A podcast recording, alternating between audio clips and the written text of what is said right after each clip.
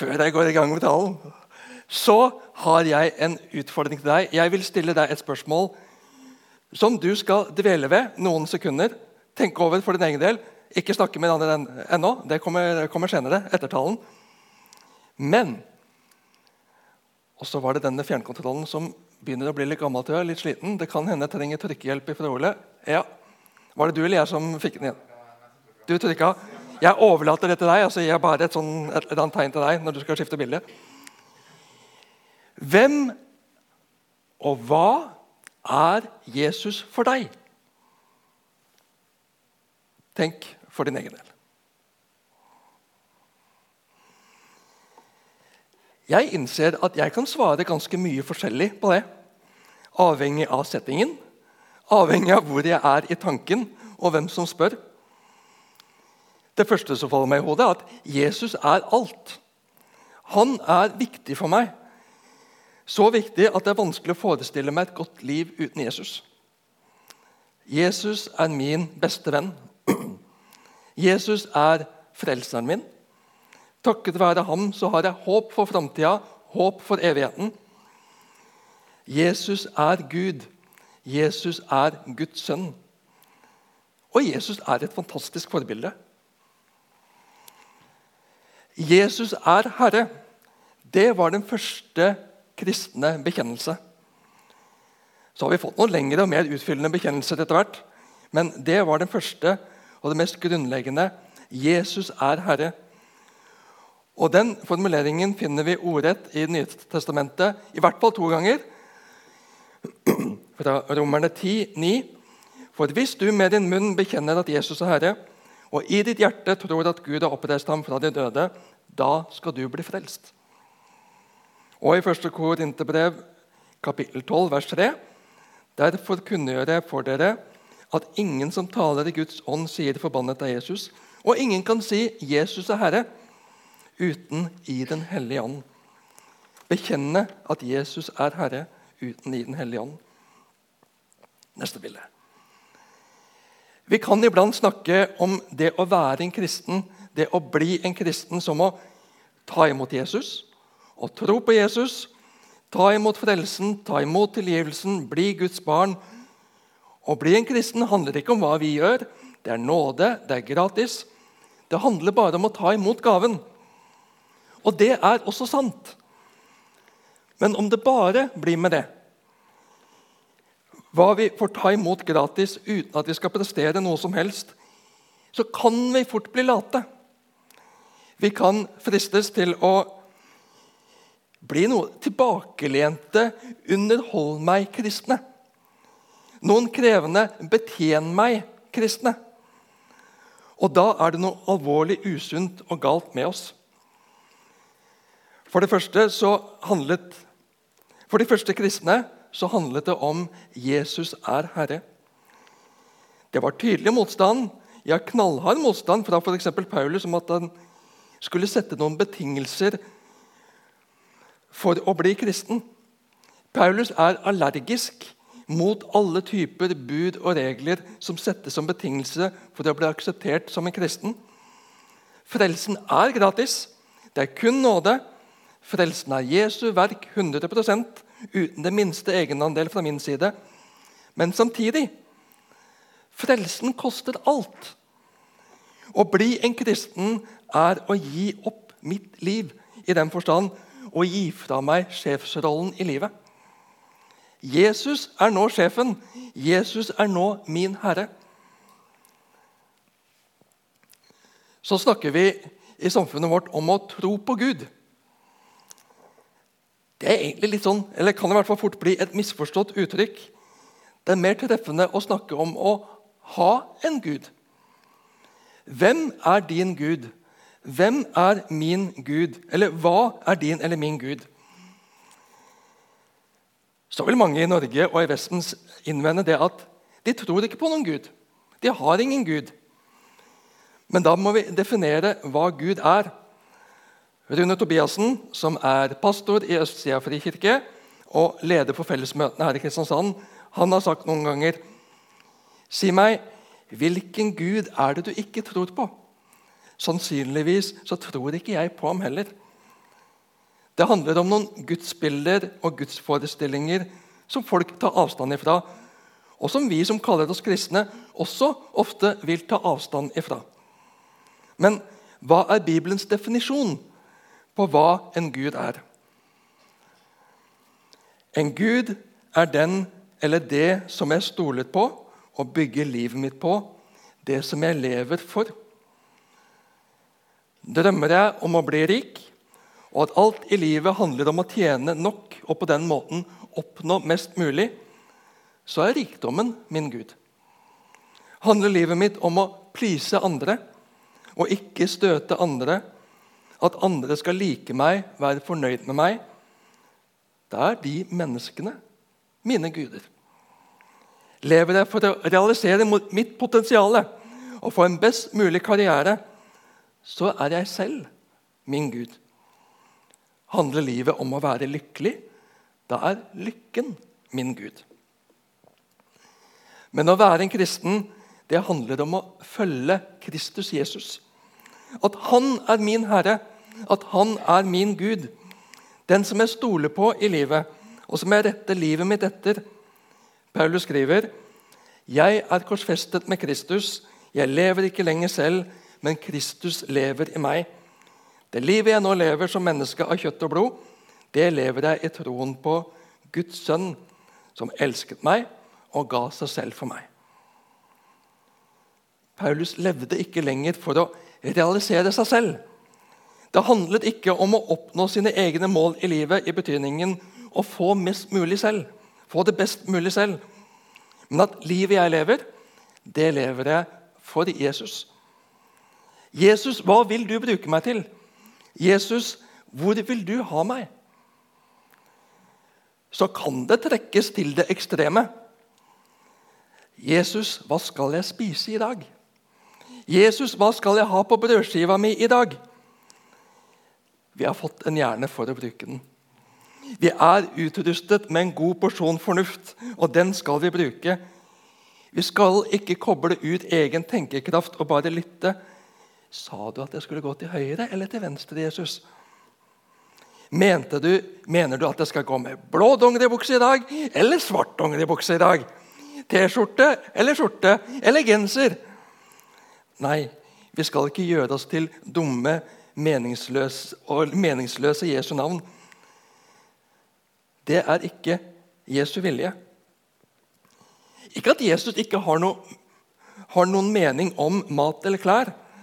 For vi skal ta vare på kroppen og miljøet og de som produserer det alt sammen. Vi skal bruke hjernen vår og evnene våre, talentene og nådegavene til ære for Gud. Men det som stadig utfordrer oss, det er at vi ikke skal leve for oss selv. Og Det er jo grunnsynden i oss som stadig popper opp i de mest overraskende sammenhenger. Stadig avsløres holdningen i oss 'What's in it for me?' Og verdens, uoffisielt riktignok, men jeg tror reelt største religion, det er egoismen. I bibelundervisninga som jeg hadde over Jakobs brev i høst, så brukte jeg noen ganger uttrykket 'late lutheranere'. Og Jeg så litt sånn spørrende, litt sånn småindignert uttrykk i ansiktene i salen når jeg sa det. Jeg ønsket å provosere litt, jeg ønsket å røske litt. Jeg er definitivt lutheraner sjøl. Jeg opplever at det lutherske evangelieforståelsen og, og teologisk forståelse som, at det er det som tar Bibelen best på alvor, det er det lov å være uenig i, men der er jeg. Men samtidig lutherske utsagn som nåden alene, troen alene, Kristus alene, Skriften alene Ikke spør meg hvorfor alene noen ganger er med liten eller stor bokstav. Jeg ble overraska sjøl. Disse utsagnene de kan misforstås og misbrukes på slik måte at det praktiseres som at jeg kan leve akkurat som jeg vil. Det er jo bare å be om tilgivelse, så er alt greit. Jeg tror på Jesus. Det er ikke noe jeg skal gjøre for å bli frelst, så da kan jeg bare gjøre det som passer meg. Slike holdninger avslører en umoden tro, og at Den hellige ånd har fått lite plass og liten virkning i livet til vedkommende. Jeg har eh, ikke mitt tidligere liv, men tidligere i livet vært bibelskolelærer i Tanzania i to år. Der samarbeidet jeg tett med misjonærer fra Dansk Luthersk Misjonsforening. Og der, der jeg ville presisere at for å være en kristen må en tro på Jesus som Herre og Frelser, ville de stanse ved å tro på Jesus som frelser. Punktum. Men da var det underforstått at om Jesus er frelseren min, da er han også Herren min. Det ene er ikke mulig uten det andre. Men å si at en må tro på Jesus som sin herre og frelser, så ligger det tett på gjerningen å underordne seg Jesus. At min underordning, at min lydighet, er betingelse for frelsen. Men det er jo kun Jesus frelsen hviler på. Carl Fredrik Wisløff, som dere ser bilde av der, han var en kjent og dyktig professor i teologi som døde i 2004. Han ble kalt Bedehus-Norges teologiprofessor. Og Jeg siterte ham sist søndag, og jeg vil gjerne gjøre det i dag også. Når Guds ånd ved Guds ord skaper tillit til Jesus, er et menneske frelst. Når Guds ånd ved Guds ord skaper tillit til Jesus, er et menneske frelst. Frelsen ligger ikke i at jeg får til å tro, eller hva jeg gjør fordi jeg tror. Tro kan så lett rotes til i vår tanke som noe åndelig som jeg skal stable på beina, men som er vanskelig for meg. Tro er tillit til Jesus. Så er det en naturlig konsekvens når en har tillit til Jesus, at jeg vil gjøre det Jesus sier at jeg skal gjøre. Hans vilje er blitt viktig for meg. Ja, hans vilje er viktigere enn min egen vilje. For han er større enn meg. Han ser lenger enn meg. Altså skaper tilliten en lydighet i meg. Det er ikke det at jeg er lydig som frelser meg. Det er hva Jesus har gjort som frelser meg. Men når jeg har fått tillit til ham, ikke bare som en teoretisk tro på at det som står om Jesus, sikkert er sant, så føder, det en, så føder det en lydighet i meg. Jeg ønsker å leve livet mitt slik det gleder ham, slik han veileder meg til. For Jesus er Herre. Som tenåring en gang i forrige årtusen så ba jeg Jesus, hva vil du bruke livet mitt til? Jeg ønsker å leve i tråd med, med din plan med livet mitt. Jeg syntes det var vanskelig. Vanskelig å velge, vanskelig å vite. Og det var flere ting jeg hadde lyst til. Jeg søkte Handelshøyskolen i Bergen, og jeg søkte Fjellhaug, det som i dag heter Fjellhaug internasjonale høgskole. Det ble det siste. Det ble etter hvert seks år som misjonær i Tanzania. Det ble elleve år som prest i Norske kirke i Ål i Hallingdal. Og nå nærmer det seg fem år at jeg har vært pastor her i Misjonshuset. Jeg tror at jeg har fått leve i Guds ledelse. Jeg var overbevist som Fjellhaug-student at jeg hadde et livslangt misjonærkall. Og En periode var det krevende når tilværelsen i Tanzania opplevdes veldig ulikt innad i familien og innad i ekteskapet. Etter hvert så fikk jeg oppleve Guds plan som videre enn det jeg hadde hatt en tendens til å tenke tidligere. Det har blitt sagt at Guds plan er ikke en stram line som jeg må fokusere for å balansere på, ikke falle til høyre eller til venstre. Nei, Guds plan er et platå som jeg kan få leve og boltre meg på. Noen ganger så kan vi snakke om kristne yrker. Det å jobbe i kirke, det å jobbe i misjon, det er flott. Og det er det. Men noen ganger skal man snakke om disse og snakke om misjonærer på en sånn måte at en, en setter de høyt opp på en pidestall. Opphøyd på en usunn måte. Misjon det er Guds befaling til alle kristne. Ikke noen få som opplever et spesielt misjonærkall eller har lyst til å bli misjonær. Misjon er Guds befaling til alle som kaller seg kristne. Vi er satt til å drive misjon. Noen må gå, og noen må sende. Men vi er et team som er sammen om det. I middelalderen så ble kirke- og klostervesenet veldig løftet opp som Guds flotte kallsvei. Men Martin Luther han tok et oppgjør med en slik kallstenkning. Husmoren står i Guds kall som husmor. Bonden står i Guds kall som bonde. Snekkeren likeså, sykepleieren likeså, og IT-konsulenten, selv om Martin Luther ikke visste at det skulle komme noe sånt. Der står det også i Guds kall. Vi skal tjene Gud der vi er satt. Og én jobb er ikke mer kristelig enn en annen. Poenget er at vi skal gjøre vår jobb for Gud, og ikke for oss selv eller for å tilfredsstille andre mennesker. For Jesus er Herre. Neste bilde. What would Jesus do? Hvor mange har eller har hatt et sånt armbånd? Opp med en hånd. Ganske stor prosent. Jeg liker attituden. Vi trenger å koble på hva Jesus vil gjøre. Hva ville Jesus gjort i min situasjon? Vi skal absolutt bli mer og mer lik Jesus. Det er en del av helliggjørelsen. Gud virker i meg så jeg blir mer lik ham.